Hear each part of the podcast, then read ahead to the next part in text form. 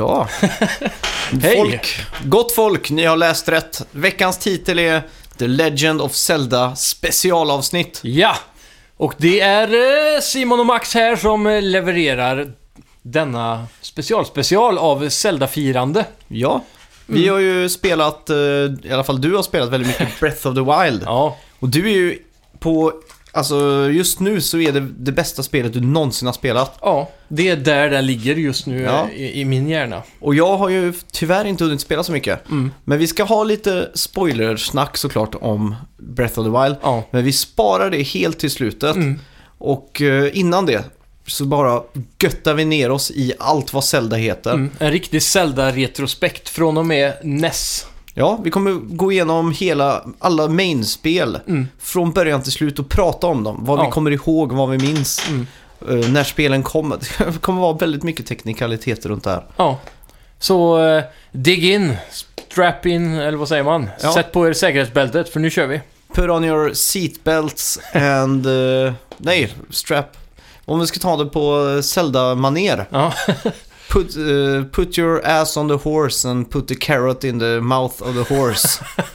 Ger man inte morötter till hästen? jo, det är sant. Det är sant. Det gjorde man i Ocarina of Time i alla fall. Mm. Eller det var morötter som var pisk...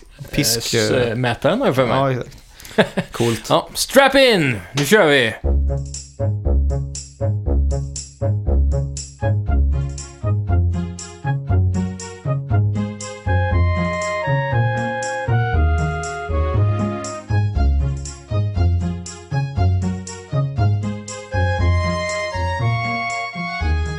Ska vi Ja. se.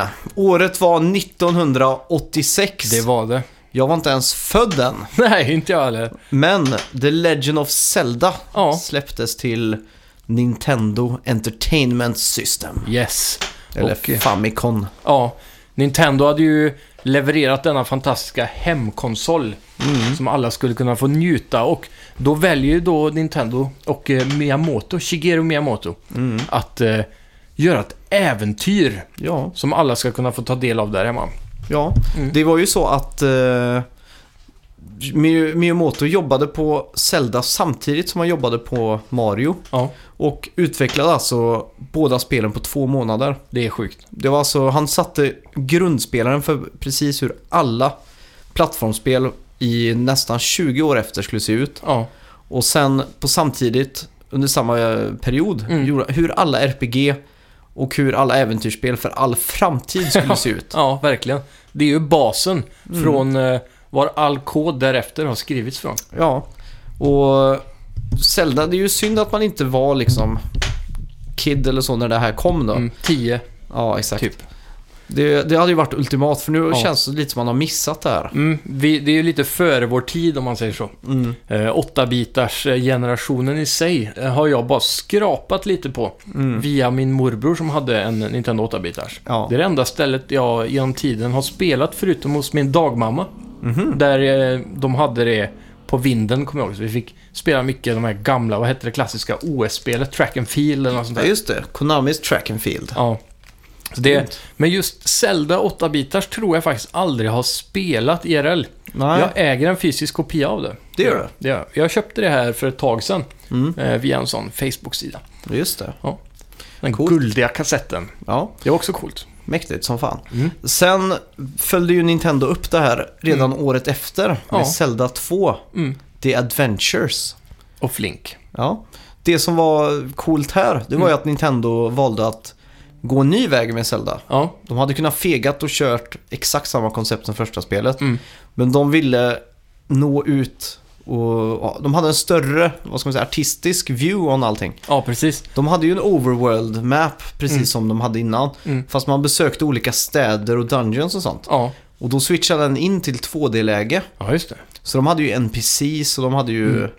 Det var lite mer raffinerat stridssystem och... Ja, Sådär. och de, de tog egentligen och skrev om eh, hela grunden för hur ett äventyrsspel skulle se ut Mm, igen. exakt. Och det som är... Det här spelet har ju varit väldigt hatat egentligen. Ja, Det har ju sätt. varit det svarta fåret. Ja, Men det har ju på senare år fått en del hype ändå. verkligen. Det har blivit en sån här äh, hata eller älska-spel. Ja. Eh, det är ju just det att folk ville ju ha en uppföljare av vad första levererade. Ja, just det. Och sen valde de att gå 2D då, i den största delen av actionen och allt sånt där. Ja. Och det, det är väl egentligen lite mer likt Castlevania på många vis, Mm, skulle man kunna säga. mm, det tror jag. Det är ju någonting, eh, jag vet att Angry Video Game Nerd gjorde en om Zelda 2, Mm. en video. Och då var det, var det ju in- inte så glatt. Nej. Han var ju väldigt arg och upprörd. Ja, precis. Och jag undrar ifall han gjorde Zelda 2 en tjänst ändå för att Mm. det var ju nästan bortglömt Ja, tills han tog upp det här. ja, precis. Och nu känns det som att folk tar till sig det här spelet i alla fall. De blir nyfikna på det tack vare den videon. Ja, och retro... Eh, hela den här retro-grejen har ju blivit så extremt stor de senaste åren. Mm. Och eh, samlarvärdet på Zelda-spelen har ju gått upp så mycket också. Ja, just Jag det. tror det mycket till stor del är på grund av att kassetterna är guldiga. Mm, Det sticker ut så himla mycket. exakt.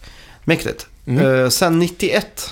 Det var- 1991, det Då- heliga året. Ja, det var ju också då du föddes. Ja, Men det var ju det året som Zelda skulle bli super. mm. det var ju då de tog nivån ännu högre. Mm. Och fick eh, bra grafik och verkligen raffinerat stridssystem.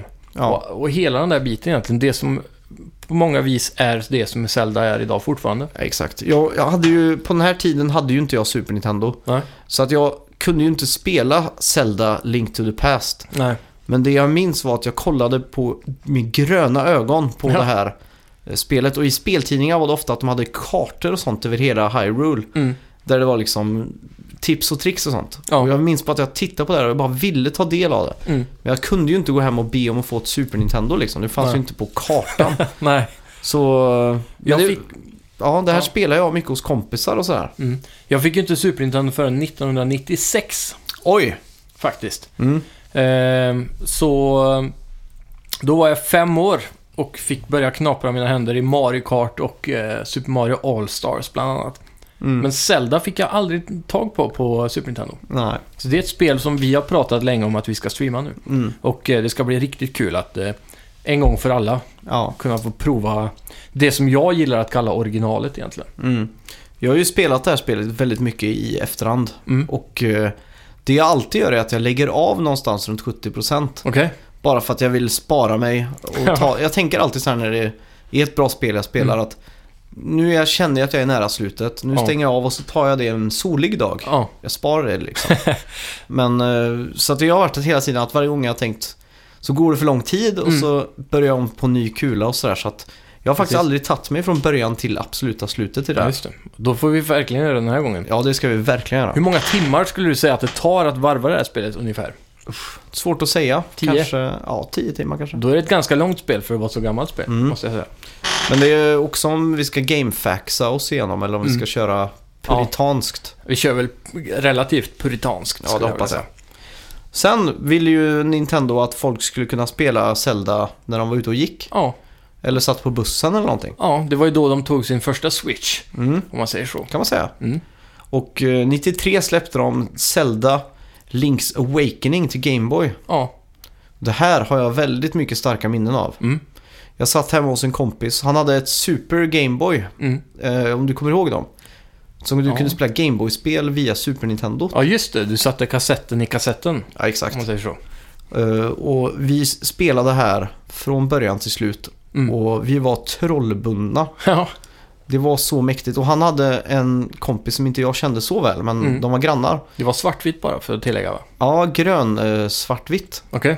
Men du kunde ju göra så på Super Game Boy att du hade fyra färger. Ja. Så du kunde gå in och göra en egen custom palette Visst, för man skrev- färgerna. Eh, Man kunde hitta i tidningar så här, eh, färgkoder va, till varje Mm. spel för att så, få det så som spelskaparna skulle vilja att det såg ut va? Ja, exakt. Mm. Men eh, just det, ja, Han grannen var ju någon form av WizKid på tv-spel. Ja. Och Får jag gissa något år äldre?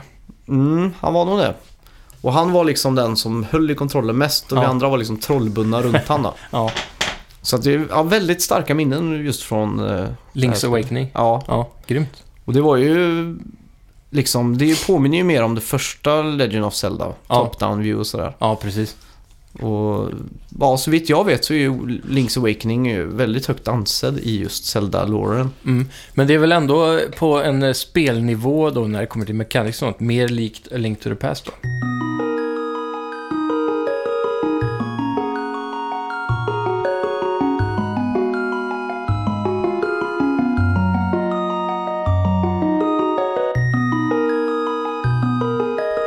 Ja, 1998 kom ju den stora eh, året då Link skulle bli tredimensionellt. Det skulle ta det steget som Mario och alla andra karaktärer redan hade gjort. Just det. Och eh, Ocarina of Time släpptes till Nintendo 64 med stora hyllningar som ofta ses som världens bästa spel genom tiderna idag. Mm. Jag har ju väldigt starka minnen över att vi spelade där ihop. Mm. Och eh, inte minst med din mor. Ja, det var ju spelet som tog min mor in i spelvärlden. Ja, Och har sedan dess i princip nästan bara ägnat sig åt att spela Zelda-spel. ja. Hon spelar väldigt lite annat. Mario har hon provat sig på. Mm. Men det är främst Zelda som hon alltid vill spela. ja. Jag minns att vi nötade ut det här spelet på ditt gamla pojkrum. Mm. Och eh, med din mor då, som höll i kontrollen väldigt mycket och Ja. spela. Och när det var liksom vår tur Mm. så var det ofta att hon inte lät oss. Hon ville fortsätta spela ett extra liv till. Men jag minns också att hon fick eh, aldrig till bossarna. Av Aha, någon okej. anledning så klarar hon inte riktigt av eh, själva koreografin, eller vad ska man kalla det? Mm. Styrningen blev lite svår där när man skulle få till så mycket på en gång. Ja. Så jag fick ofta ta över på bossarna, till Mm. exempel. Men eh, när man kom till den här ökenvärlden då, Mm. då var det det klassiska, man var tvungen att smyga sig förbi fiender och man fick inte bli upptäckt för att man var utkastad och så här. ja, just det. Då var man ju... Då fick hon spela för då tyckte jag det var för läskigt, minns jag. Aha. Av någon anledning. Mm. Mäktigt. Jag var inte så gammal då, 98 var jag sju år då. Mm.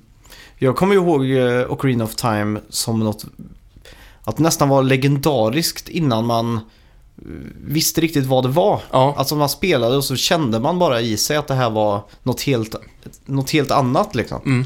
Det var ju också det första spelet som eh, på, på ett banbrytande sätt då eh, skapade den här tredimensionella tredimensionella fighting-systemet som faktiskt gick att använda. Och det var ju Mm. med hjälp av lock-on med Z-knappen. Ja, just det.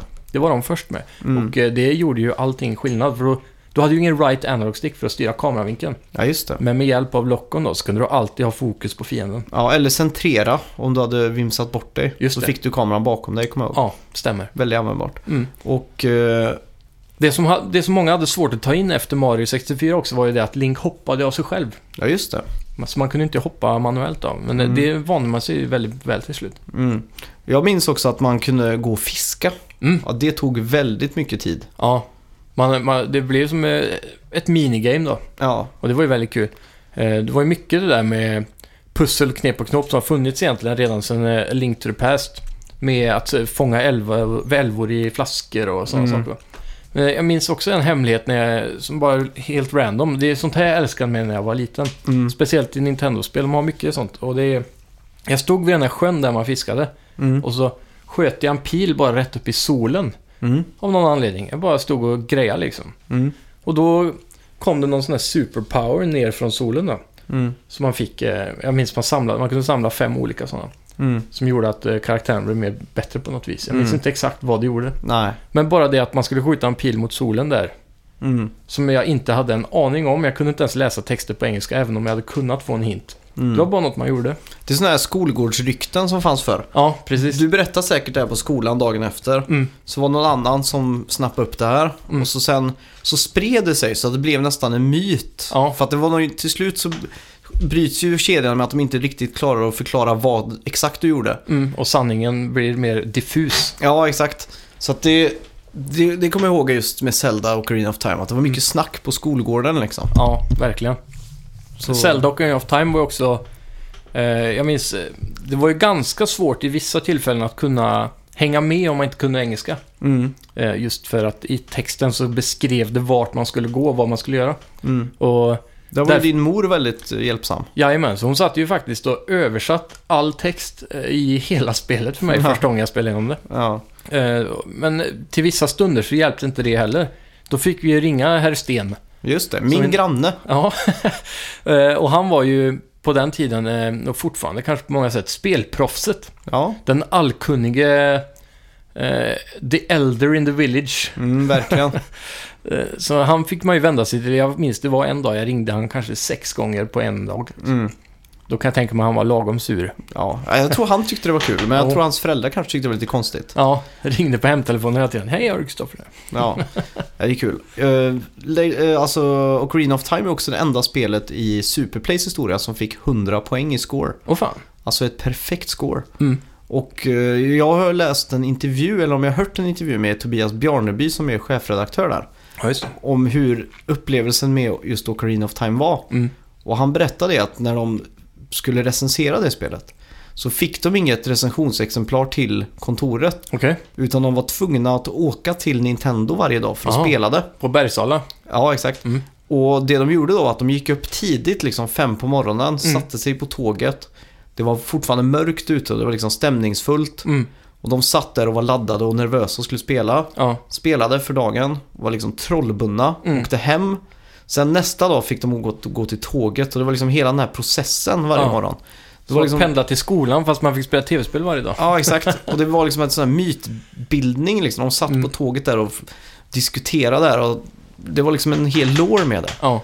Och jag kommer ihåg att jag läste det och liksom kunde känna igen mig lite i just hur det var när man spelade Ocarina of Time. Mm. Att det var liksom för att jag ägde ju inte det så jag spelade hos dig. Mm. Så det var ju en av highlightsen att komma hem till dig var ju att spela Ocarina of Time liksom. ja, just det.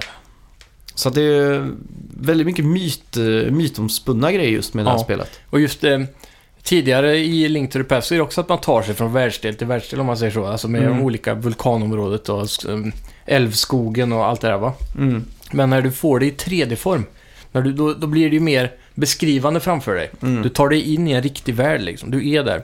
Och det här att då kunna rida runt från sektion, eh, sektion från sektion i världen. Att liksom få uppleva så olika, eh, vad ska man säga, miljöer. Mm. Det var ju det som var så fantastiskt där. Ja. Och att varje miljö krävde sina egna specialsaker. Mm. I vattenvärlden så var du tvungen att få tag i de här skorna eh, som gjorde att du kunde gå på botten. ja, just det. Och eh, dräkten som var blå då, Mm. som gjorde att du kunde andas under vatten och sådana där saker. Mm. Så att alla de här klassiska exemplen på äventyrsspel där du behöver utrustning för att klara dig igenom ett visst mi- miljö Mm. var ju så himla mäktigt och välgjort just i det här spelet. Ja. Och sen eh, just i Ocarina of Time så gjorde de ju det att man switchade från Link som liten till Link Mm. som vuxen. Just det. Det var också väldigt banbrytande. Mm, verkligen. Och att världen också ändrade sig då, för när han var liten så hade inte liksom Ganon tagit över den. Nej. Då var han fortfarande i planeringsstadiet bara. Mm. Medan när man var vuxen så hade han tagit över världen och det var hemskt och förstört och Mm. sådär. Lite som eh, i Breath of the Wild skulle man kunna säga. Ja. Nej, fan. Eh, spontant så vill jag spela det här hellre än Link of the Past nu när jag pratar om det. ja, faktiskt. Det ger ju så otroligt många minnen alltså. Mm. Och eh, ja, bara som Deku Tree-banan i början där liksom. Ja. Man tar sig ner och så kommer man till slut till botten. Och där är spindelbossen i taket. Mm. Man tar sig an den här riktigt läskiga, äckliga spindeln. Man bara ser ögat nästan. Ja. Och när man tar den kommer man ut, han blir glad för man har räddat eh, träet, men så dör han ändå. Mm. Fantastiskt alltså. Mm. Nintendo följde ju upp uh, Ocarina of Time med Majora's Mask. Ja. Som var, också var någon... eh, det är också ett mästerverk. Mm, Men det är också lite så här love-hate-känsla över det spelet. verkligen. Och det är väl det spelet som många kanske skippade också tror jag under Mm. 64-eran. I alla fall i barnaålder, Ja, om man säger så. Den tiden man inte köpte spelen själv nödvändigtvis. jag kommer ihåg att det snackas om att spelet gick på tid. Mhm. Att det var att man hade bara 72 timmar på sig att klara av det eller något sånt där. Ja. Det kommer jag ihåg var lite avskräckande. Ja, just det. Men är det verkligen sant? Mm, nej, jag tror inte det. Det är, jag vet jag har för mig att det finns något form av tidselement i spelet. Mm. Jag tror inte det är det att man får game over. Det är väl den där månen som eh, växer. Ja, det är väl något sånt, Mm. kanske. Ja, jag minns inte Mm. exakt i alla fall. Det verkar coolt i alla fall. Det är faktiskt spel jag skulle vilja sätta mig och spela igenom just för att jag Mm. aldrig spelat det. Nej, samma Jag här. vet ingenting om det spelet nästan. Nej, jag var ju hos min granne Sten och spelade. Fast Mm. jag har inga minnen av det direkt. Nej. Man, det är väl lite som Mario med olika hattar. Som Mm. får olika powers, fast sätter man på sig olika masker va? Jag Ja, just det. Så är det. Tror det är något sånt så blir man en annan figur av det. Mm. Mäktigt. Ja. Sen eh, 2001 så släppte ju Nintendo två spel till Game Boy Color. Mm. Zelda Oracle of Seasons och Mm. Oracle, Oracle of Ages. Ja, just det.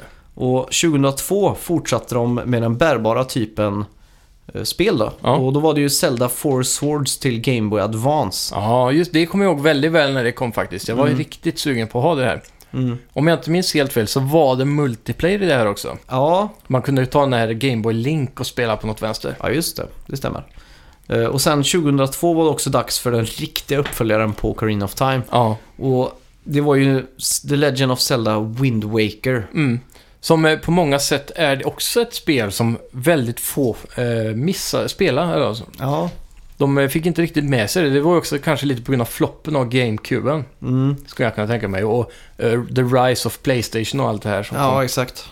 Det var ju så att Wind Waker bröt ju av med Zelda Mm, tidigare spelen. mm, Helt ny art style. mm. Den cell-shadade grafiken. Ja, som står sig fruktansvärt bra idag. Det är väl egentligen fördelen med det, för du får ju inga vanliga texturer. Det är ju alltså ett område i Paint som du trycker i bucket på, så blir det Mm, grönt liksom. Exakt. Så det spelet är ju väldigt estetiskt tilltalande. För mig Mm. så är det här det snyggaste Zeldat som någonsin har gjorts. Ja, det är väldigt snyggt. Jag skulle väl ändå vilja påstå att Breath of the Wild är snyggare, men de går ju Mm. lite på samma stuk. Ja, Fast exakt. i modern tappning. Wind Waker var ju helt fantastiskt. Det var ett äventyr utan dess like alltså. Ja, det där med att eh, på något sätt göra små banor till Mm. open world med hjälp av den där båten då, som man kunde ta sig över. olika öar liksom. Ja, det var väldigt klockrent. Mm. Och jag kommer ihåg eh, ganska tidigt i spelet så är det ett segment där man, man ska gå in på ett fort, ett fängelse. Ja, Och man måste smyga runt och ha sig och vapnen man plockar upp är de där träpåkarna från Ja, fienderna och så. just det. Åh, underbart alltså. Mm, verkligen. Och eh, jag älskar också startbanan, den där tropiska ön man vaknar upp och Mm. går runt och pratar med alla och får lära sig game mechanics och allt det där. Ja. Väldigt mysig stämning. Mm. Och sen ska jag också vilja tillägga att Wind Waker har den bästa spelmusiken någonsin tror jag. ja, fy fan. Det är helt underbart det där. Mm. Så ja, Wind Waker var ju ja, top notch. Ja, jag kommer ihåg jag, när vi hade det på GameCube så spelade jag kanske en eh, 60-70% av det spelet ungefär. Mm. Sen lånade jag ut det till en kompis. Och aldrig fick tillbaka det. Yes! Det är så? Ja, fan. det har hänt många gånger, men det jag ångrar mest någonsin det är väl Wind Waker tror jag. Mm. Och jag funderar på så här, ska man köpa det igen? Ja, men det, andrahandsvärdet på Wind Waker är otroligt högt faktiskt. Ja. Det är, det- är en eh, ny pris på det, nästan Mm. 600 600 kronor. Mm. Så jag har aldrig riktigt eh, velat göra det nu, speciellt då när Wii U kommer med en HD-releasen. ja, just det. Eh, Så har jag också nu i annars då förhoppning på att det ska släppas till Switch istället. Mm. Ja, det hoppas jag med. Mm. Jag skulle garanterat köpt det på Switch. Ja, och jag skulle nästan våga säga att det är garanterat att det kommer till Switch. Mm. Just för att det var ju en HD-release bara för Wii U. Mm. Och de gjorde den för att det var så många som missade den på GameCube. Mm. Och det sålde så dåligt på Wii U. Mm. Eftersom Wii U sålde dåligt så kommer det nog komma till Switch. Ja, Eftersom, ja, Eftersom- det är fortfarande många som har missat det. ja, exakt. Och ja, sen 2004 fortsatte ju Nintendo. Mm. Då var det ju Zelda Four Swords Adventure som släpptes till GameCube. Ja, just det. Och det är ju en eh, crossover med Zelda Four Swords från 2002 där, Ja. Game Advance-spelet. Ja, Det, man, det som är lite konstigt eller så med det spelet, det är att det krävs fyra Game Boy Advance för att spela det. jaha. Alla kopplar in vars, varsin Game Boy Advance. Mm. Eh, Till GameCube. Ja, via GameCube eh, Game Boy Advance Link. Ja. Och då styr man alltså varsin spelare. Så det här är egentligen ett co-op-spel. Ja, just det. Fyra player. Och det krävs ju att man bor i antingen Beverly Hills eller Östermalm för att Ja. hitta tre kompisar som också har ett GameCube. Eller som också har en Game Boy Advance och det här spelet då. Eller hur? Och alla GameLink-kablar och allt vad det ska till. Ja, Eller om man bor i Japan där typ alla har allting. mm, exakt. Så det, det är ju någonting man inte har. Ja, det är nog inte många som har upplevt det här spelet tror jag. Nej, i alla fall inte i sin fulla glory. Nej. Och jag var intresserad av att skaffa det här nu på senare dagar. Mm. Och jag började leta efter det här spelet då. Mm. Det är ju sällsynt det där. Det är Okej. svårt att hitta. Ja, det kan jag tänka mig. Och sen ska man ju ha fyra Game Boy Advance grejer också. Ja. Så. Det, det måste ju finnas nästan ett sätt med en sån eh, online-emulator Mm. som kan eh, skapa co-op. Ja, det kan ha varit något. Mm. Om inte Nintendo stänger ner det. Ja, ska vara det då. Sen 2004 släppte ju också Nintendo Zelda Minish Cap till Game Boy Advance. Mm. Som var en, eh, ja, en crossover mellan Wind Waker och eh, Link to the Past. Ja, just det. Väldigt snyggt och väldigt bra. Ja. Game Boy. Advance, jag köpte den Game Boy Advance SP, kommer jag ihåg. Mm. Min kompis hade Game Boy Advance från början och eh, jag var väldigt avundsjuk på det. Mm. Sen när jag var i, i Mallorca Ja, just det. så fick jag tag på en SP och det var ju samma fast eh, en liten variant med där man kunde stänga locket på. Ja, just det. Ungefär som DS. Och backlit eh, display va? Jajamän, och det var ju det som var den stora skillnaden för man kunde Mm. verkligen spela utomhus eh, eller så här i alla miljöer. Mm. Det var väldigt nice. Mm. Dock hade jag inte så många spel till Advance. Eh, Jag la ju mina pengar oftast på konsolspel för det var ju en bättre upplevelse i sig. Mm. Det jag minns jag spelade mest var väl kanske Mario Kart Advance. Ja, det. Är tufft. Ja, Det känns som att Nintendo har varit generösa med sina bärbara Mm. eh, upplevelser med Zelda. mm, Eller de är Verkligen. det generellt för att de lägger så mycket vikt på just det bärbara. ja. Och eh, Zelda-spelen är väl det jag skulle komma till egentligen. Att det är Mm. de jag saknar. Eh, att jag inte har spelat eh, när jag Mm. hade Advance.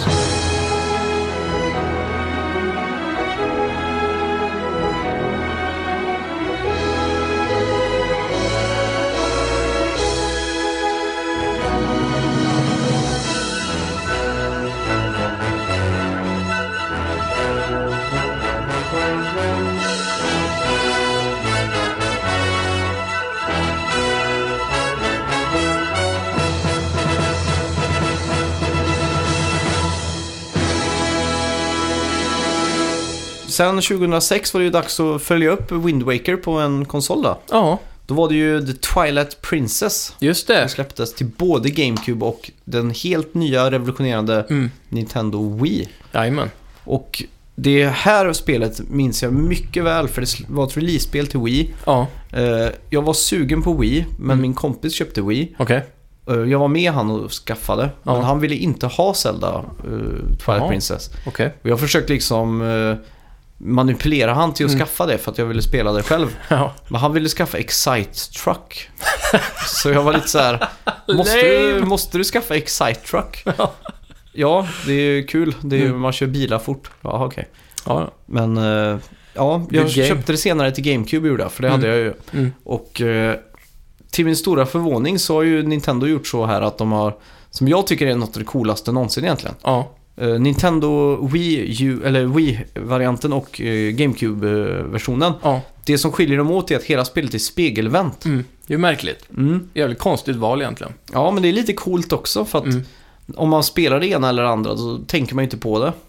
Men sen Nej. när man väl har testat båda tänker man på det. Ja, men jag har för mig att det var någonting med att... Eh, det var något med att Link hade svärdet i vänsterhanden eller någonting. Ja, det stämmer. Och så Japan eller, eller ett eller annat. Och så klarar de inte att, att göra om animationerna. Nej, just det. För det hade, det hade blivit för krävande tidsmässigt eller någonting. Mm. Så då spegelvände de hela spelet så att han skulle ha svärdet i högerhanden. Det kan nog stämma. För att eh, vanligtvis har ju Link eh, svärdet i vänsterhanden. Mm. Och eh, med Wii så var ju tanken att man skulle vifta med kontrollen. Ja, just det. Och då är ju majoriteten av folk högerhänta. Ja. Så det är mest naturligt att man har kontrollen i högerhanden. Jajamän. Så därför spegelvänder de då antar jag. Mm. Sjukt att det, det ska vara så komplicerat att, att då behöva göra om alla animationer bara för att byta hand. Mm. Och därmed spegelvända hela spelet. Ja men det, Det är är ju sjukt. coolt. Mm, verkligen. Men undrar om det är några... Det finns väl ingen text i Zelda? Det är bara påhittade krumelurer. Mm, exakt. Typ hieroglyfer Ja, eller någonting. det är ju lite myter om det där. Just Mm. från Ocarina of Time. Ja, För att de har ju använt... Eh, ja, hela storyn är så här. I Super Mario 64 mm, finns det en gravsten okej. om du går ut på baksidan av slottet. Ja, Och den gravstenen står det någonting som är väldigt suddigt. Mhm. Men man kan antyda någon text. mm. Och folk har alltid trott att det är en vink till att hitta Luigi Jaha, i... Eh, just det. Den gamla myten. Ja, exakt. Mm. Så att de har ju decipherat det här i år nu. Mm. Men det de har gjort är att de har hittat samma textur på en gravsten i Ocarina of Time. Okej. Och i Ocarina of Time finns ju Luigi. Jaha. Han gömmer sig ju i slottet Åh fan. i Hyrule Ja, Castle. Inne På, i... en- på en fotografi va? Exakt. Mm. Så att på något sätt där så har de tagit för givet nu att aha, det är en ledtråd till att eh, Luigi finns i, eh, i det här. Och det är också det. någon, det är 3 kolon 17 tror jag det står. Okej. Eller det de antar. Mm. Och det är också en bibelvers. Ja. Så att de har ju an- tolkat den här bibelversen till att eh, Luigi finns då. så jävla sjukt. Ja, Det blir så långsökt i alla de här eh, konspirationsteorierna. Ja, jag tror inte Nintendo verkligen tänker på det här. Nej. Så mycket tid Så lägger de djupt. inte på Luigi. Nej, det blir lite för djupt nästan. Mm. Så här, det är som att det var i sådana fall eh, Shigeru Miyamotos mission att så gott som möjligt gömma Luigi liksom. Ja. Men sen var ju faktiskt 2012 tror jag det var, var, Mm. var ju Nintendos Year of the Luigi. Okej. De släppte ju New Super Mario Brothers Wii U 2. Ja. Då var ju Luigi huvudkaraktären. ja, just det. Då släpptes Luigi Mansion till eh, 3DS. Mm. Och i Super Mario 3D World Ja. till Wii U så snek de in Luigi precis överallt. Fan. Overkill. Plötsligt så kan texturer byta till Luigi en sekund. Oj, Så fattar man inte vad som hände liksom. fan sjukt. Nej, så då gick de verkligen overboard med den här Luigi Hoax-grejen. så det är lite kul att de är meta på det sättet. Ja, verkligen. Eh, ja, fortsättningsvis då. Yes. Eh, vad, vad har du för minnen av Twilight Princess? Jo, Twilight Princess är ju egentligen det som satte Wii på kartan för mig. Mm. Eh, innan, innan det spelet så spelade jag väl inte så mycket Wii förutom Wii Sports, lite lätt sådär. Mm. Det var ju eh, då morsan som införskaffade Wii. Mm. På julafton kommer jag ihåg. Ja, just Så det. hon köpte det till familjen egentligen då. Mm. Eh, och- då skaffade hon ju sig även Twilight Princess. Mm. Så egentligen köpte hon det kanske till sig själv. Ja, det gjorde hon ju. Eh, och det var ju före vi spelade Mario Galaxy och alla de här då. Mm. Så blev det Twilight Princess. Det var det första spelet, riktiga spelet jag spelade. Mm. Eh, jag älskar egentligen Twilight Princess i världen, combaten, gameplayen, pussel, dungeons. Eh, bossarna framförallt, jävligt välcraftade med game mechanics. Man rider på en sån där borr typ längs väggarna, kommer jag ihåg, en Mm. jävligt bra boss. Men eh, sen var det ju det här med Twilight Zone och man skulle vara vargen. Det Mm. blev så mörkt och dystert och, och jag blev typ depressiv nästan av att vara i den världen. Och vargen kontrollerades väldigt klumpigt. Mm. Och det var väl det som gjorde att jag aldrig varvade spelet och det förstörde egentligen hela upplevelsen för mig. Ja. Många påstår ju att det är det bästa spelet, bättre Mm. än Ocarina of Time. Mm. Eh, men icke för min del. Nej, icke. Icke. Okej, 2007 i alla fall Ja. var det dags för Nintendo att ge DS lite kärlek. Mm. Och det gjorde de ju med Phantom Hourglass. Ja, det har jag spelat. Ja. Mm. Vad har du att säga om det spontant? Eh, det var väldigt coolt eh, med lite så här, eh, vad ska man, vad är man kallar det? Inte rent top-down, men som Diablo, eller Mm. vad heter det? Minns du? Asymmetriskt. Ja. Just det, något Ja. sånt. Och, och mm, det funkade väldigt bra. Jag är inte helt säker på, för sen 2009 så släppte de ju Legend of Zelda Spirit Tracks också till DS. ja, just det. Och jag minns inte riktigt vilket av spelet det var när man eh, använde pekpennan Mm. för att dra streck och där man drog strecket, där gick Link då. Det var nog kanske Phantom Hourglass. Ja, För Legend of Zelda Spirit Tracks eh, gjorde ju Link till lokförare. ja just det. Man tog sig runt i världen med ett eh, ånglok. Som också var som båten, kunde prata och så va? Mm. Om jag minns rätt. Exakt. Eh, men eh, ja, då var det nog Phantom Hourglass då. Mm. Och det, det var ju ganska intressant game mechanic. Det kom ju, man fick ju lite, vad ska man säga, touch mobilkänsla över det där då. Mm. Eh, 2007 var väl inte riktigt så mycket spel på, för iPhone hade knappt hunnit komma då va? Ja, nej, de visade upp iPhone eh, januari 2007. Så släpptes det senare i året. Men det var ju bara i USA som släpptes då. Ja, just det. Så det här var egentligen ganska banbrytande för touch gameplay då, om man säger så. Mm. Och, och det minns jag var väldigt häftigt. Och just det här strategiska, att om du drar ett streck så går ju inte Link... Alltså, du måste ju tajma väldigt bra. Du, Mm. Om en eh, fiende patrullerar och man smyger igenom Castle ungefär som början på Ocarina of Time. Så måste du dra strecket så att Link går förbi precis när fienden inte ser dig och sådär. Ja, just det. Och även fixa pussel. Du kunde ju Mm. koppla Link till en sten och sen dra vidare strecket så flyttar han ju stenen efter strecket och Ja, sådär. just det. Det var... Det funkar otroligt bra faktiskt. Men här var det också så att de följde liksom den här uh, Wind Waker-estetiken. Ja, väldigt mycket. De snöar ju in sig på det här egentligen. eh, Förutom Mm. Twilight Princess. Ja, exakt. Det är ju, för mig är ju det så jag vill se Link och Zelda och allting. Mm. För att det är den estetiken som verkligen, verkligen tilltalar mig när det gäller Ja. Zelda. Det är ju någonting med att det blir tidlöst Mm. i den grafiken. Ja. Som hjälper spelarna att hålla sig i längden. Och jag tror Nintendo själva är ganska stolta över den designen eftersom de har pushat den så hårt. Ja, verkligen. Och man ser ju även det i det senaste spelet, Breath of the Wild, att eh, Mm. de försöker att hålla sig kvar vid det. Mm. Sen tror jag också att det är ganska grafiskt eh, snålt Mm. och snällt eh, mot hårdvaran, om man säger så. Mm. Jag tror inte det är så hårt eh, krävande jämfört med de här HD-texturerna som man måste kräma in på ett annat vis då. Nej, exakt. Mer cell shading till folket säger jag. Ja. Eh, 2011 var det ju dags för Twilight Princess att få en uppföljare till Wii då. Mm. Och det gjorde de ju med Legend of Zelda Skyward Sword. Ja, Som fokuserar väldigt mycket på motion-kontroller. Och speciellt deras nya teknik Motion Plus. Mm.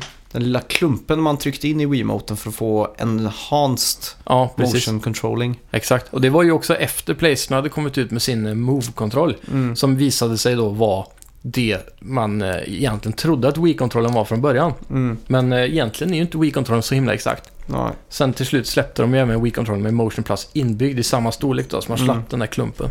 Ja. Men var det här något spel du provade? Nej, faktiskt inte. Vid det här laget så spelade inte jag tv-spel. 2011. Då var det helt andra grejer på agendan. Ja, just det. Eh, Det jag minns eh, från det här var när, eh, när de skulle visa det här med Miyamoto och allting. mm. Så på scenen när de skulle demonstrera Motion Plus så att det var så viktigt att man högg neråt och, och, och lodrätt och vågrätt, som man kan säga. Mm.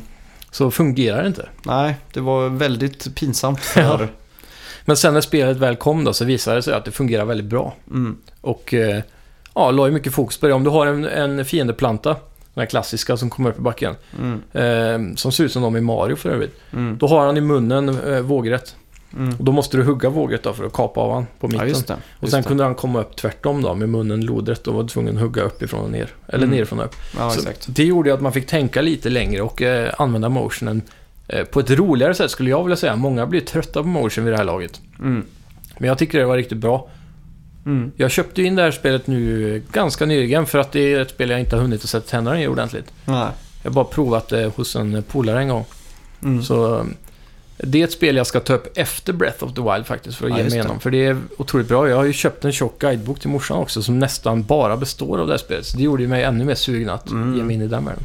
Det är klart. Hela spelet, om jag minns rätt också, är väl lite som Bioshock 3 Infinite. Ja, just det. Med Hela världen. svävande vär- världar och så. Ja, hela världen är på moln om man säger så. Mm. Det är. Mäktigt. Mm. Sen då, 2013, då var det dags att visa världen att Zelda verkligen var relevant fortfarande. Mm. För att eh, de hade ju... Skyward Sword var en sån som fall lite mellan stolarna. Ja, Det var inte någon supersuccé bland kritikerna. nej. Och liksom Core Gamers hade ju lämnat Wii U, eller Wii för andra system liksom. Ja, de hade och, eh, tröttnat. Speciellt tröttnat då på motion gaming. egentligen. Mm. Så att 2013 var det dags och då var det ju eh, The Legend of Zelda Link Between Worlds Ja, som kom. Och det här var ju extremt banbrytande och gjorde om Zelda i grunden Mm. för all framtid. ja, På så vis att du kommer kunna i fortsättningen göra dungeons i din egen tempo, i, din egen ordning. mm. De skakar ju om hela det konceptet Ja, egentligen. ja. Och det här var ju superhyllat när det kom. Mm. Det var ju också då där 3DSen exploderade i världen och sålde som smör verkligen. Mm. Den nya DSen liksom med Ja, exakt. 3D-funktion och allt det där. Ja. Som fick en ganska dålig start men först med det här spelet började säljas i större upplagor. Då. Mm. Och de kuttade priset på 3DS. De gjorde allting rätt liksom för Ja. att det här spelet skulle lyckas. Mm. Och det som var coolt här var ju att man kunde ju ta Link, det heter ju Between Worlds. Mm. Man kan göra han till en pappfigur. Ja, just det. Så han kan gå runt på väggarna och sådär. Och Ja. snika sig förbi och sådär. Vä- Väldigt, väldigt bra spel. Ja, Och sen tju- eh, 2015 följde de upp det här med Legend of Zelda Triforce Heroes. ja. Som är en direkt uppföljare på eh, Link Between Worlds. Mm. Som tyvärr inte levererade. Nej. Det föll helt i glömska och into Oblivion eller vad man säger. Jajamän.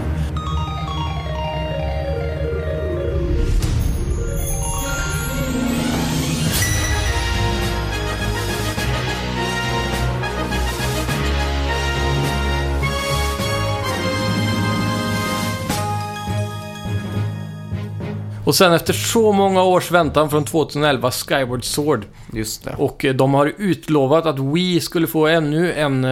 Var det inte Wii U? jo, det kanske var det. Var det inte Wii från början? Det Om- kanske det var. till och med, ja, jag för mig, det var otroligt, väldigt delayed i alla fall. Mm. Så var det Wii U, alla stackars Wii U-köpare väntar ju på sitt Zelda. Eh, men jag för mig det skulle komma mot slutet av Wii-eran Ja. till och med. Och eh, till slut då så kommer ju Breath of the Wild i år, Just det. 2017. Och det var ju... Då fick ju trots allt Wii-köparna sitt Zelda ändå. Mm. Eh, även om det blev det sista Nintendo-spelet som någonsin skulle göras till Wii U. Ja, just det. Det är väldigt intressant faktiskt just eh, hur den här utvecklingen av Breath of the Wild har, hur, ja, utåt sett hur, för det har ju varit så att, det har inte varit någon hemlighet att Wii U har gått dåligt liksom. Nej. Och cheferna har ju fått kutta sina löner och man har ju Mm. varit orolig för Nintendo liksom. Ja, verkligen. Så allt har ju hängt på det här spelet. Mm. Och Sen när det började snackas om att NX skulle komma och Ja. folk inte visste vad det var. Mm. Då börjar man tänka att de kanske släpper Breath of the Wild på det och kanske skippar Wii U och så Ja. vidare. Och sen när de äntligen visade upp spelet och sådär. Mm. Så var det ju open world och det var ju väldigt mycket orosmoment liksom. Mm. Ska det bli eh, Sky, vad heter det? Sk- Skyrim av allting? Ja, precis. Bara tråkiga eh, f- fetch quests och sånt där liksom. ja. Och det som jag tycker är ganska intressant är ju att man har ju den där uh, Chica Stone. Mm. Eh, Det är ju en tablet egentligen. Ja. Och det, för mig är det ganska uppenbart att det var designat så att man skulle sitta med gamepaden med, med Wii U då Ja. och se det Link ser det den. Verkligen. Just det där med att man använder den som en kikare. Och med motion controls då. Rör runt för att titta i den. Mm. Det passar ju även till handheld mode på Switch. Mm. Men det känns som att det från början var gjort för just Wii U-kontrollen. Ja. Att när du tar upp den så blir det en kikare mot skärmen. Mm. Och jag, man har ju också sett det i den magneten man har i Breath of the Wild. Den är ju som ett U. Mm. Det finns också en prototyp där kontrollen till Wii U ser ut på det sättet. Okej. Så att det är ju en... eh, Det känns som att det var väldigt rotat i Wii U. Mm. Och sen tänkte de, vi måste ju ha det här till Switch när vi släpper det. Ja, Så blev det ju delay. Det skulle väl egentligen släppas 2015 till och med va? jajamän. Och eh, ganska intressant eh, som jag har fått höra från eh, diverse sidor på internet då. Hur eh, det kom sig att det kom till Switch. Det var ju att någon av eh, toppcheferna på Nintendo som var bland utvecklingen av eh, Zelda då. Mm. bara skickade iväg ett mail en dag. Inte allt för länge innan Switch-releasen. Och Mm. sa, ja just det. Eh, Zelda måste göras till Switch också. Mm. det var allt ju han skrev. schysst. Ja. Och de bara, what? Mm. Som tur var gick eh, porten väldigt smidigt. Mm. Har de berättat i efterhand och eh, därför tror jag också att många av de här Wii U-funktionerna lades på hyllan då. Mm. Att de fokuserar all sin sista energi på Switch. Mm. Det är ju väldigt bra för man behöver ju inte alla gimmicks för att spela det här spelet. Nej, verkligen inte. Det är bara en kontroll och så Ja. kör man liksom. Och det känns som de flesta ändå skulle vilja spela med Pro-kontrollen även på Wii U. Mm, absolut. Mm. Eh, ja, ska vi göra så att vi spelar en fin musik och så kommer vi in på lite Breath of the Wild. Det kan vi göra. Och efter det här stycket musik, Mm. Då är det spoilervarning som gäller. Jajamän, men spoilern gäller endast för eh, de som har eh, inte spelat mer än kanske 10 timmar skulle jag vilja säga. Mm. I alla fall. Vi kommer Ja. inte gå mycket längre än så. Det gör vi inte. Nej, har ni spelat 10 timmar in i spelet så Då är ni safe. då är ni safe. Mm. Eh, har ni spelat eh, ingenting alls så stänger ni bara av. Ja, Så lyssnar ni på... Vi gör så att ni går in och lyssnar på den här orkestrerade versionen av uh, Ocarina of Soundtrack. Ocarina of Time-soundtracket. ja. Grymt! Yes!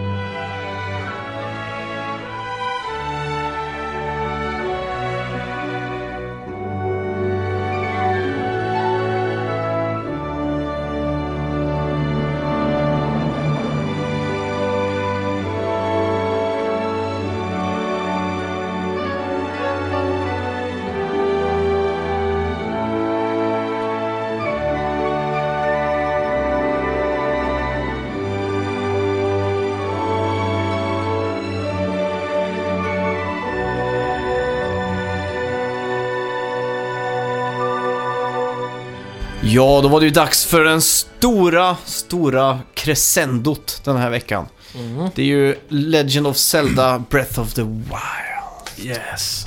Fan vad dramatiskt det lät där. Eller dramatisk. Du borde jobba på Dramaten. Ja, så jag som någon form av pizzahämtare så jag kan dra maten dit. Där fick jag till det. Ah, drumts.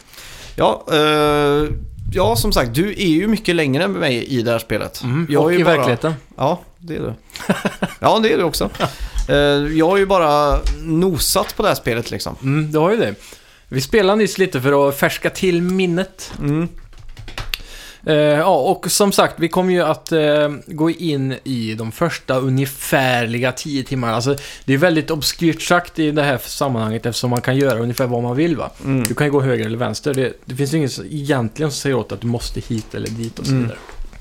Så eh, vi ska försöka hålla oss inom parametrarna av eh, storyn i början, Mm. eh, de första områdena man eventuellt kommer att dra sig till. För spelet har ju ändå hints på något vänster. Alltså det, eh, det, det är så game, vad är det man kallar level-designen är gjord, att de flesta går åt de här hållen Ja, just det. i början kan man Mm. säga. Så att eh, vi kommer väl be oss in i den biten tänker jag. Mm. Jag ska sluta knappa på pennan här och lägga ifrån mig den. Ja. Sådär. In i lådan. Ja. Ja, så eh, i eh, några avsnitt sen när Zelda kom så gick vi väldigt löst in på game mechanics och sånt där. Ja, det vi skrapar ju bara på ytan lite, lite grann liksom. Ja, och, och många ju, har ju hittills varit väldigt rädda för spoilers då. Mm. Eh, men nu har det gått ändå så pass lång tid att de som inte har köpt spelet spelar än får faktiskt skylla sig själva. Ja. Och, eller vi har stänga av bara. Ja, vi har ju varnat. Ehm, och eh, de flesta har ju spelat mer än 10 timmar så jag tror inte det kommer bli något värre. Ja. Vi kan väl börja med, man vaknar ju upp som Link Ja, i en grotta. Eller i en shrine, i en ja, sagt. Shrine of Resurrection. Just det. Och där eh, ligger man i någon form av vattenpölsgrej och man vaknar upp, man fattar ingenting vad som hänt. Det är någon röst som kallar på en, man vaknar Mm. till liv. Eh, du får din eh, kikarslöjt och går ut i världen och där möter du en gubbe. Mm. Han eh, säger åt en att eh, gå en... Eh, eller man går ner, för direkt när du kommer ut så ser du kyrkan där till höger. Mm. Och då vill man ju automatiskt gå dit då, vägen leder en dit. Mm. Där sitter en gubbe vid en lägereld och han eh, pratar man med, man går upp i kyrkan och kollar vad det är. Och det är ju Temple of Time Just är det. där. Sen eh, kommer han gubben fram, pratar med en och så får man en waypoint till ett ställe Mm. eh, ganska nära. Du går dit och trycker på en aktivation med ki- kikarslöjten. Och då börjar de här tornen, Just det. eh, Assassin's Creed Ubisoft-tornen, Mm. börja resa sig ur marken då runt om i världen. Det kommer en liten cutscene där Ja, just det. från alla diverse platser. Mm. Eh, tornen är ju centralt för det här spelet. Varje gång du kommer till en ny region på kartan så har den ett torn. Mm. Och varje gång du klättrar upp i tornet så låser du upp mappen. Så du Ja, kan se mappen och vad det är. Mm. Eh, från tornet är det alltid en bra utkiksplats också då att scouta fram shrines. Mm. Vad är shrines då? Shrines är ju en form av dungeons. Mm. Eh, inledningsvis lär man sig ju nya... Ja, vad fan, vad heter det? Ja, nya kraft- abilities. krafter. Ja, precis. Exakt. Och eh, första shrinen man blir promptad att göra, Mm. det är ju för att man vill få den här hangglidern eller paraglidern av den här gubben då. Ja, just det. Eh, så han egentligen, han... ja, han lurar en att gå ner i den här shrinen Mm. för att hämta någonting som man ska byta mot paragliden. Ja. Och det, nu kommer jag inte ihåg vad den hette. Spirit of... eh, Eh, Spirit Orbs. Spirit Orbs ja. Mm. Och den kraften du lär dig där i första shrinen är ju hur man magnetiskt flyttar på metallsaker. Exakt. Och du får öppna portar och lägga ut dem som gångbrädor och sådär. Mm. Eh, lite pussligt sådär. Mm. Det stod till exempel en kista där uppe, till, uppe på en hylla liksom. Ja. Utanför spelplanen som Mm. jag lurade hur fan man skulle ta sig dit. Så jag började ju bygga ihop med de här eh, dörrarna och plåtverken och allting. Mm. Men i själva verket kunde man bara flytta den ner med magneten. ja, för den är gjord av metall. Så jag var ju lite för smart för Zelda där. Ja, och det, det är ett problem som jag ofta stött på genom min spelomgång också då. Mm. Att eh, många gånger så tänker man att det är svårare än vad det är. Det är ju trots allt ett barnspel på en, eh, på en viss nivå. Mm. Eh, och eh, man tänker i många andra situationer, eller som Portal, där det kan vara riktigt komplicerade grejer. Ja. Att man vill att det ska vara svårare för man tror att de har gjort det. Mm. Men eh, tänk simpelt till Shrinesen så går det mycket fortare att klara dem egentligen. ja, exakt. Och sen blir kommer man ju ut och så visar det sig att han har ju screwed me over. Han ger ju Mm. inte mig en paraglide. Nej. Utan han... eh, Damn han, you! Ja, han är ju jävla... Ja, greedy alltså. Mm. Så, men han i alla fall lär en att teleporta då, för man kan ju teleporta mellan de här tornen. Eller så kallat fast-travela. Mm, exakt. Så att man fast-travlar ju upp till det här tornet man nyss hade upptäckt och Mm. där man fick liksom en bild av hur kartan såg ut i det här området. Jajamän. Och när man kommer upp dit så står han redan där och man undrar varför han står där och Mm. tjötar lite. Mm. Så pratar de om att det finns fler shrines i den här världen. Ja. Och uh, lär en då hur kikaren funkar och hur man sätter ut markers. Just det. Det funkar ju så att man lägger ut egna markers. Det är Mm. inte så att spelet eh, själv pekar ut allting. Och, Nej. så att det blir bara ett clusterfuck av saker. Som i Assassin's Creed, du öppnar kartan och det enda du känner åh, jag orkar inte ta mig an allt det här. Nej, exakt. Men i Zelda så får du faktiskt markera och hitta saker själv och då blir det inte det där känslan av att jag lägger sidequests på hög. Mm. Utan jag gör det för att jag vill utforska. Ja. Och ja, sen man kan ju se alla de här shrinesen från den här Mm. kartan. I den första regionen, ska jag säga. Ja, Mm. exakt. Så att man eh, petar ut dem, med, markerar dem och så börjar man questa dem. Man Mm. letar sig dit. Precis. Och jag gick ju mot första bästa liksom. Ja. Och du hade ju, var ju med här, men Mm. du hade ju spelat där innan. Mm. Men du är ju väldigt duktig på att inte säga någonting. Mm. Så att jag gick ju dit och så stötte jag på någon turret-liknande grej. Mm. Som jag bara dog av direkt. så fick jag lära mig att smyga lite. Mm. Ta mig in där, gör den här shrinen, lärde mig hur man kastar bomber och så vidare. Kommer ut, eh, tar mig mot nästa shrine. Och där är ju inte någonting spelet har bestämt, utan där är min naturliga väg att gå liksom. Mm. Och det kändes ändå som det var pragmatiskt upplagd, Ja. upplagt. Mm. För när jag kom vidare mot nästa då fick jag lära mig hur man lagar lite mat. Då. Eller du Mm. visade mig faktiskt hur man gjorde, för jag frågade Mm. hur man lagar mat och sådär. Eh, Och du gjorde det i en stuga. Mm. Och så hittade jag någon yxa och då stod han där och väntade, den här jävla snikna gubben som snodde min spirit orb. Och hugger träd. Så jag Ja. lär mig hur man hugger ner träd. Jajamän. Och det som är viktigt här är ju att lära sig hur, i vilken vinkel det här trädet faller. Mm. För man ska ju ta sig över ett stup. Och det är ju väldigt coolt liksom att kunna påverka den här världen på det sättet. Utan att man hugger ner ett träd och landar över och blir en bro liksom. Ja, och det- är så fascinerande just att det finns ingenstans i spelet där det säger åt dig hugg ner trädet så att det blir en bro. Nej. Man bara listar ut det själv. Mm. Så jag frågade dig när du gjorde det, har du sett det här på gameplay eller någonting? För du Mm. har ett mediablockout på det här spelet. Mm. Och, och det är så intressant hur hjärnan bara direkt klarar att koppla de här grejerna med hjälp av bra level design. Ja, exakt. Nintendo är ju hästlängder före alla andra känner man ju när man sitter och spelar. Ja, och att de klarar att implementera det här i en open world. Mm. För det här är någonting som återkommer i hela världen, Mm. verkligen. Så av allt jag har sett. Att det hela tiden känns perfekt craftat Mm. på det viset. Det är ju helt fantastiskt för att säga det milt alltså. Mm. Och eh, ja, sen nu just där jag är nu så är jag på väg till de här andra shrinesen. Ja, just det. Och som sagt, jag har inte kommit någonstans alls. Mm. Jag hade ha- ja, haft mycket att göra och Mm. även hade besök av en Mm. som valde att starta New Game. så utan att ens fråga mig, bara racea allt jag hade gjort. Så då var det, Mm. tog det emot lite att starta upp där igen. Ja, precis. Det är en klassiker som har utsatt sig för. Ja. Men känner du att du har mer sug nu när vi har kommit igång lite grann? ja, jag vill inte ens sitta här och spela in. Jag vill bara spela Breath of the Wild. Ja. Så, men eh, eh, tyvärr nu får vi ju lite mildare spoilers för dig då Max. Ja, men inte det går kommit så mycket längre. Men eh, efter det här så kommer du få eh, gå till de andra shrinesen här i den här första sektionen. Det är fyra här i början som man måste ta. Mm. Ehm, då, då är det ju också så att du möter den här gubben där nere. Hans, eh, I en bok i stugan som vi läste Mm. så står det ju eh, om ett recept han har gjort för länge sedan. Just det. Men, men han kan inte komma ihåg den sista ingrediensen, men han tyckte det var så jävla gott. Mm. Och eh, han säger att eh, den ingrediensen ligger någonstans nära tornet Mm. i regionen.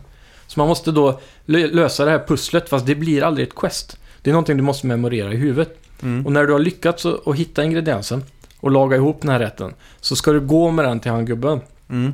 Och han har ju också skrivit i boken då att om du lyckas att komma på receptet så kommer, vi, kommer jag ge dig min varma tröja. Ja, just det. Och, och det är ju ett tips då för de som är vidare upp till de andra shrinesen, för där uppe är det kallt. Mm. Och är det kallt så förlorar du sakta hjärtan hela tiden. Ja. Så då kan det vara bra att hitta den här rätten först då. Mm. Eller laga mat som håller dig varm. ja. Så det finns ju många sätt att laga mat på. Och när du säger hålla varm och kall, det finns ju en Celsius-mätare. Just det. Så man kan ju... Hela tiden blir man för varm eller för kall då, i Mm. spelvärlden liksom. Jajamän.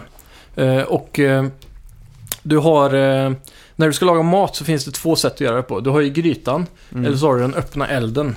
Och många gånger i världen så har du inte möjlighet till en gryta för den kan man aldrig bära med sig utan de hittar man på ställen. Mm. Och så, du kan starta en öppen eld enkelt genom att ha en bit flinta Mm. och en bit eh, med firewood. Just Det är det. när du hugger sönder träd som det blir det. Mm. Så då håller man dem ihop och släpper ut dem på backen och så slår man ett slag med svärdet. Mm. Då blir det en gnista och så tänds det eld. Mm. Då kan du ta kött, äpplen och diverse saker och lägga ut bredvid elden. Bara droppa på backen. Så steks de. Så det blir baked apple, eh, eh, steak, typ Mm. så här som är kokt då, eller stekt eller vad fan. Mm. Så det är ett bra tips om du behöver mat eh, när du är ute Mm. och inte har närheten till, Men- till någonting. För, för om du tillagar något så blir det ju värt mer i liv. Mm.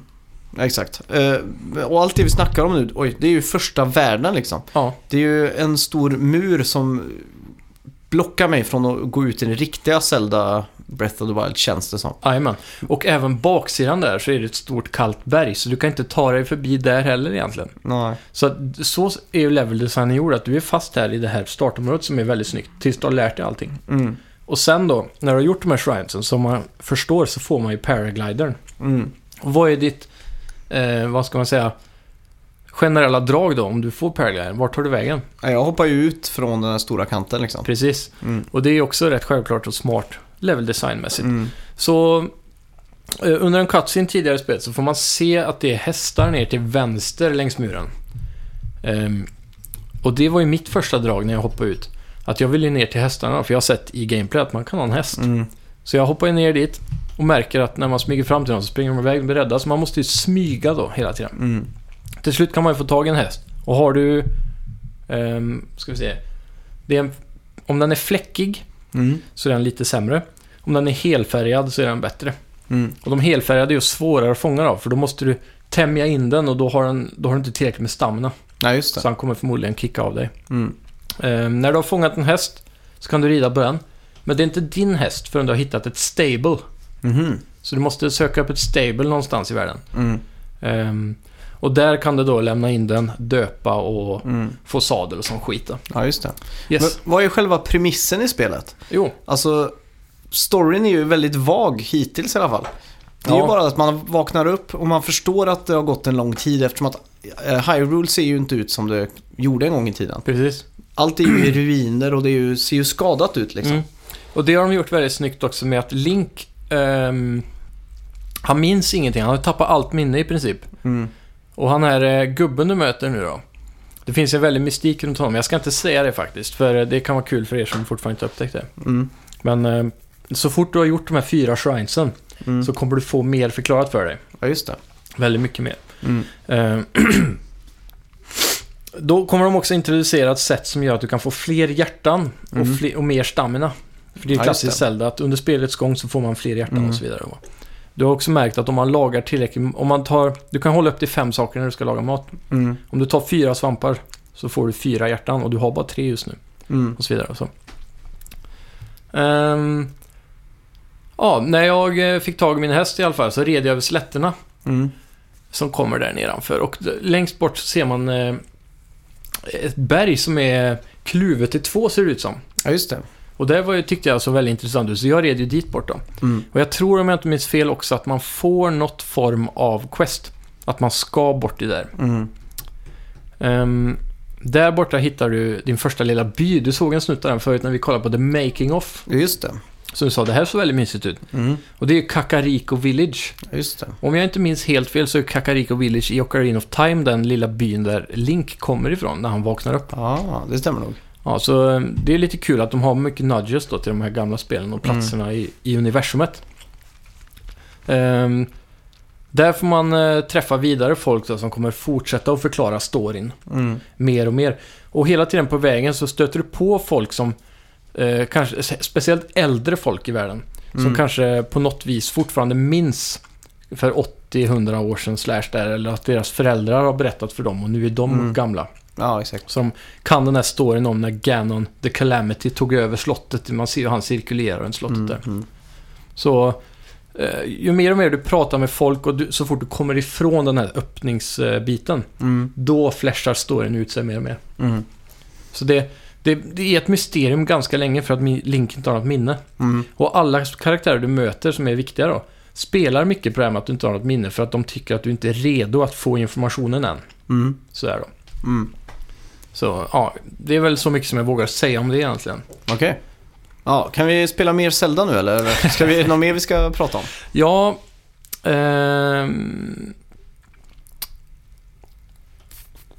Jag ju bara säga, jag önskar att jag hade spelat 10 timmar så att vi hade kunnat varit på samma nivå här. ja precis. Ja, det, är det, det är så svårt när man måste hålla sig tillbaka från spoilers. eh, Mm.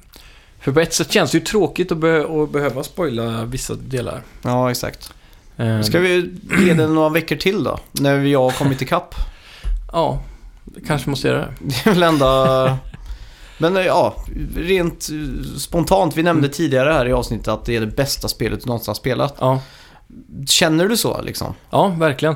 Det är just det där att eh, det kommer mycket ner till level-designen. Mm. Och eh, alltså, när du är i startregionen så kan det kännas som ett Zelda på visst sätt, men det går lite trögt va. Mm. Eh, Du, du håller fortfarande på att lära dig game mechanicsen och Mm. he- hela den här biten. Men så fort du börjar att röra dig ut i världen, Mm. då öppnar sig spelet upp på en helt annan nivå. Ja. Och du märker också hur en hel open world kan vara lika välcraftad som den här lilla biten du fick starta på. Mm. Allt är verkligen bra gjort. Mm. Och eh, hur, hur de skiljer områdena då, som i gamla spel när du är öken och vulkanberget och vattenvärlden och alla de här bitarna. Hur de verkligen är eh, ja, unika och Mm. väldesignade då. Artstylen är fruktansvärt fin. Mm. Sen eh, stöter du på, alltså om du ser en bergstopp och du går dit, då finns det en... Eh, alltså det finns en mening med att du har gått dit och du blir belönad på ett eller annat vis. Mm. Eh, du kan prata med random folk och så ser du uppe i en jättestor snöig bergskedja i horisonten. Mm. Så kan man se att det finns tre träd Mm. som är där då. Och eh, då säger de en sån här gammal gåta som de har lärt sig av sina förfadrar. Mm. Att om man följer de träden mot havet eller något sånt där, dit Mm. träden pekar, så hittar man en hemlig skatt till exempel. Då. Mm. Och det blir, det blir ett eh, sidequest som, som ligger i en speciell lista som heter Shrines. Mhm. Eller Shrine Quest eller något sånt där. Mm. Så det finns massa shrines då, som du besöker nu i början, Mm. som är dolda. Mhm. Som man bara kan hitta genom att få de här ledtrådarna. Mm. Så det blir som ett roligt sidequest, ett pussel i världen för att hitta dem. Ja, just det. Ja, det låter fantastiskt. Ja, så, och, det, så hela världen är verkligen eh, genomtänkt. mm, jag vill ju bara fortsätta att spela nu, Mm. faktiskt. Och det, Så- det är den här, varje gång du hittar en ny by eller liknande då, som Mm. sticker ut lite från bara eh, natur. Ja. Eller för den delen att du kommer till en typ av skog som du har sett för och så vidare. Mm. Allting blir en wow-faktor hela tiden. Mm. Så det, ja, du får väl ge dig in igen eh, i universumet. Jag Mm. vet inte om det finns något annat vi kan eh, toucha på som eh, du har upplevt. Eh, Det är väl inte så mycket mer än det vi redan har varit inne på. nej. Vi, men jag tycker vi ska göra ett riktigt spoileravsnitt i framtiden när vi båda har varvat det. Där Ja, vi kan gå igenom storyn och diskutera mm, allt, varenda aspekt av det. ja verkligen. Men, men eh, även när, om, du, om vi säger att du har spelat... Eh, om vi ska försöka det här en gång till Mm. igen, så kanske vi ska göra det när du har spelat en 20... Nej, jag ska 30 ha varvat det. Lägger korten på bordet. Ja, men eh, ja, jag har sett folk som har varvat det på runt 60 timmar med mycket ut, eller lagom mycket utforskning. Mm. Om jag känner mig och dig rätt så kommer vi kanske varva det på 70. Ja. ja, men det är ju det är värt. Ja, så det, det, det är ju egentligen inte för svårt att ta sig igenom. Nej. Det är ju... eh, Det blir ju inte de närmaste veckorna. Nej, Men, eh, men eh, runt eh, närmare E3 kanske. ja, någon gång då så får vi göra ett ordentligt jävla spoileravsnitt alltså. Ja, verkligen. Mm. Ja, ja, vi får Ja. väl tacka för mig då. Ja, och mig med. Det här har ju varit Zelda specialavsnittet. Ja, och eh, det är ju för att jag är bortrest Mm. så att eh, vi får bunkra upp med lite specialavsnitt. Ja, Och, men nästa vecka, då blir det en väldigt rolig special. Okej. En väldigt unik special. ja. Så jag vill inte spoila någonting, men Nej. nästa vecka så kommer ni... Jag kan ge en liten ledtråd. Mm. 100. Oj, Ja. spännande, spännande. Så då eh, hörs vi nästa vecka och eh, ja, sen veckan därpå igen så är vi tillbaka som vanligt och då Ja. blir det bets Ja, det och blir det. nyheter och allt det här klassiska som vi brukar leverera Ja, annars. exakt. Tack så mycket! Tackar, tackar och eh, sprid meddelandet Snacka videospel till en vän.